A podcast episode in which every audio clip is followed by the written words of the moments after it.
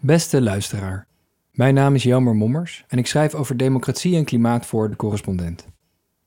Kan Extinction Rebellion voortaan behandeld worden als criminele organisatie? Die vraag kwam laatst zomaar ter sprake in de Tweede Kamer. Maar dat activisten van Extinction Rebellion irritant zijn, maakt ze nog geen criminelen. Daarover gaat deze column. Komt-ie. De demonstratievrijheid staat overal in Europa onder druk. Mensenrechtenorganisaties waarschuwen dat protesten steeds vaker worden ingeperkt, vooral die over het klimaat. In Nederland lijken de rechtse politieke partijen deze ontwikkeling kracht bij te willen zetten. Dat bleek onlangs tijdens een gesprek in de Tweede Kamer tussen Tweede Kamerlid Lilian Helder, ex-PVV, nu BBB, en de minister van Justitie en Veiligheid, Dilan Yeşilgöz van de VVD. Als het aan deze politici ligt, worden ontregelende protestacties, zoals de A12-blokkade door Extinction Rebellion afgelopen zaterdag, voortaan veel harder aangepakt. Yeşilgöz werd in haar rol als minister ondervraagd over een recent besluit van het Openbaar Ministerie. De zaak draaide om een actie van Greenpeace en Extinction Rebellion in november 2022 op verboden terrein op Schiphol. De activisten hadden daarbij een hek opengeknipt en zich vastgeketend aan privéjets. Dit viel niet onder het demonstratierecht, want de veiligheid was in het geding, vond het Openbaar Ministerie.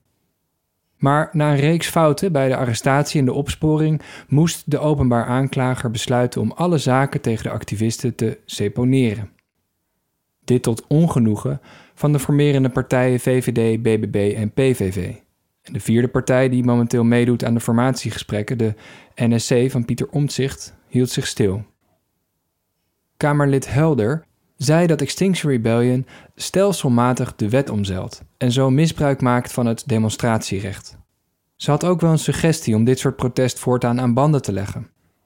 Doe het dan gewoon zoals Spanje het doet, zei ze. Want daar noemen ze het, en ze doelde op een groep die lijkt op Extinction Rebellion, daar noemen ze dat een criminele organisatie.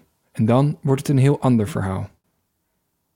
Ik vind dat mevrouw Helder hier de kern te pakken heeft, antwoordde Jessugus. De klimaatactivisten speelden volgens de minister een kat-en-muisspel met de politie en dat ziet ze als misbruik maken van het demonstratierecht. Daarover zou ze in gesprek gaan met het OM.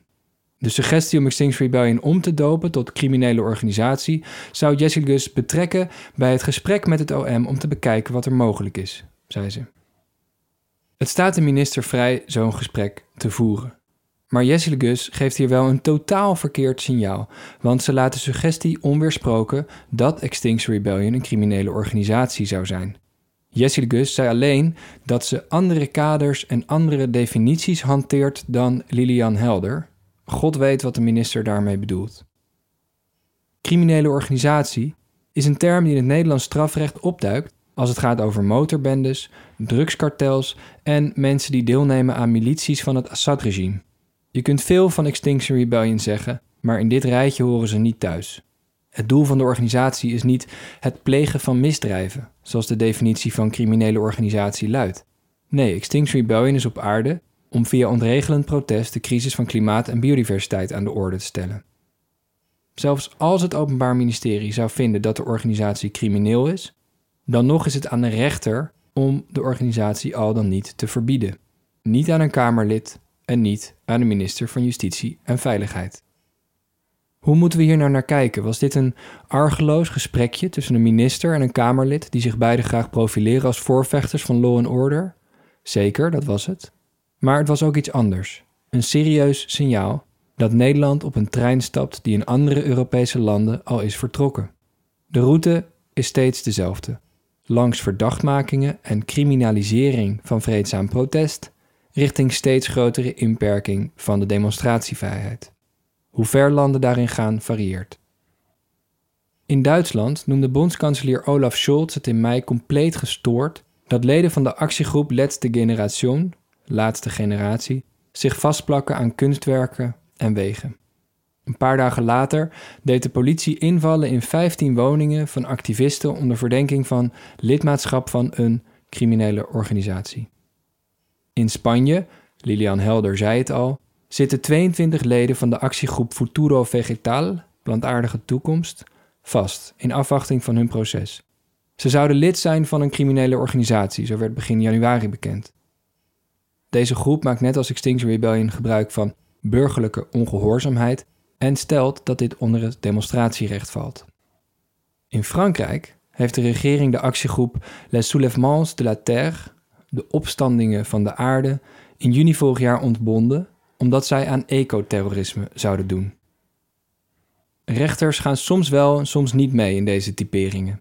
In Duitsland blijft de verdenking dat Letzte Generation een criminele organisatie is voorlopig overeind. Dat bleek in november in een tussenvonnis. Maar de Franse regering werd door de rechter teruggefloten, omdat de ontbinding van Les Soulèvements niet gepast, proportioneel en noodzakelijk was. Het was met andere woorden een overreactie, waarin ordebewaking boven demonstratievrijheid ging. En dat is de trend in Europa. En het Verenigd Koninkrijk gaat het verst. Onder de Britse premier Rishi Sunak is de wet voor openbare orde vorig jaar zo gewijzigd dat de politie nu iedere demonstratie kan inperken of opdoeken als het vermoeden bestaat dat die demonstratie een serieuze verstoring van het leven van de gemeenschap tot gevolg heeft. Iedereen die meedoet aan zo'n protest of die daartoe oproept, kan gearresteerd worden. De wetswijziging is uitdrukkelijk gericht tegen klimaatdemonstranten die het verkeer blokkeren, dat erkent de verantwoordelijke minister. Maar de wet is zo breed geformuleerd. Wat is een serieuze verstoring? Wat is het leven van de gemeenschap? Zo breed dus dat de politie nu feitelijk iedere demonstratie die haar niet aanstaat kan afbreken. Aanklagers gebruiken de wet al om mensen te vervolgen. Zo kreeg een klimaatdemonstrant die in december een half uur meedeed aan een trage mars op een openbare weg, zes maanden gevangenisstraf. Een maand voor elke vijf minuten dat hij daar liep. De rechten van demonstranten in het Verenigd Koninkrijk worden ook op andere manieren ingeperkt. Zo mogen ze in rechtszaken soms hun motivaties niet toelichten en worden ze soms tweemaal vervolgd voor hetzelfde vergrijp. Maar het zijn niet alleen wetswijzigingen die de demonstratievrijheid bedreigen. Telkens de suggestie wekken dat klimaatactivisten eigenlijk criminelen zijn, is op zichzelf al schadelijk. Vreedzaam protest is niet onwettig en het heeft niets met criminaliteit of ecoterrorisme te maken. Door milieubeschermers toch steeds in een kwaad daglicht te stellen, ontstaat een giftig gesprek dat zelf als rechtvaardiging kan gaan dienen voor steeds draconischer maatregelen. Politici en media die activisten verdacht maken, vergroten het risico dat vreedzame demonstranten zelf het doelwit van geweld worden. En dat is geen speculatie, dat blijkt wel uit video's die met enige regelmaat op sociale media rondgaan, waarin klimaatactivisten die wegen blokkeren van de weg worden gemapt door automobilisten of omstanders. In Duitsland is dat al tientallen keren gebeurd. Eigenrichting dus. Op de rug van retoriek in media en politiek. Retoriek die de legitimiteit van ontregelende protesten heeft ondergraven. Natuurlijk zijn mensen die de weg blokkeren bijzonder irritant. Natuurlijk is er sprake van een kat-en-muisspel, waarbij Extinction Rebellion de politie bezighoudt en niet luistert naar de verboden van burgemeesters. Natuurlijk is het demonstratierecht niet onbegrensd. Natuurlijk zijn sabotage en vandalisme strafbaar. Klimaatactivisten die daaraan meedoen, moeten worden vervolgd. Maar dat je de banden van een monstertruck lek prikt of meedoet aan een demonstratie op een snelweg, maak je nog geen lid van een criminele organisatie. En dat je voor hinder zorgt, betekent niet dat het demonstratierecht niet meer geldt. Integendeel, de maatschappij zou enige hinder als gevolg van demonstraties moeten accepteren. Dat is het hele idee van het demonstratierecht: dat je de boel een beetje mag opschudden om aandacht te vragen voor onrecht.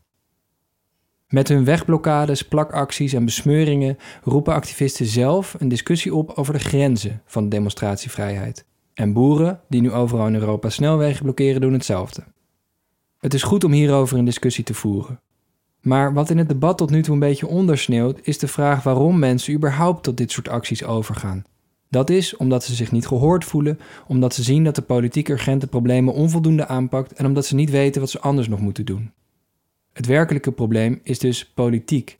Demonstraties aan banden leggen is geen oplossing.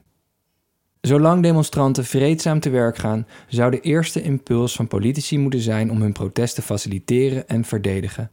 Dus geen strafrechtelijke dreigingen boven demonstraties laten bungelen, demonstranten niet bespioneren en de demonstratievrijheid alleen inperken als dat strikt noodzakelijk is. Overal in Europa dreigen politici deze basale uitgangspunten uit het oog te verliezen. Door acties die volgens hen niet normaal genoeg zijn telkens verdacht te maken, begeven ze zich op een glijdende schaal die uiteindelijk leidt tot regelrechte inperkingen van de demonstratievrijheid. Het risico dat zo opdoemt is dat de rechtsstaat verwordt tot instrument van de zittende macht, in plaats van een stelsel van waarden en wetten dat primair bestaat om de vrijheden van burgers te beschermen. En minister Jesselgus doet daaraan mee. Plichtmatig zegt ze: wij zijn een rechtsstaat, maar als demonstranten tot criminelen worden gedoopt, dan maakt ze dat onderdeel van het gesprek met het Openbaar Ministerie. Dan stelt ze ordebewaking boven vrijheid. En zij noemt zich liberaal.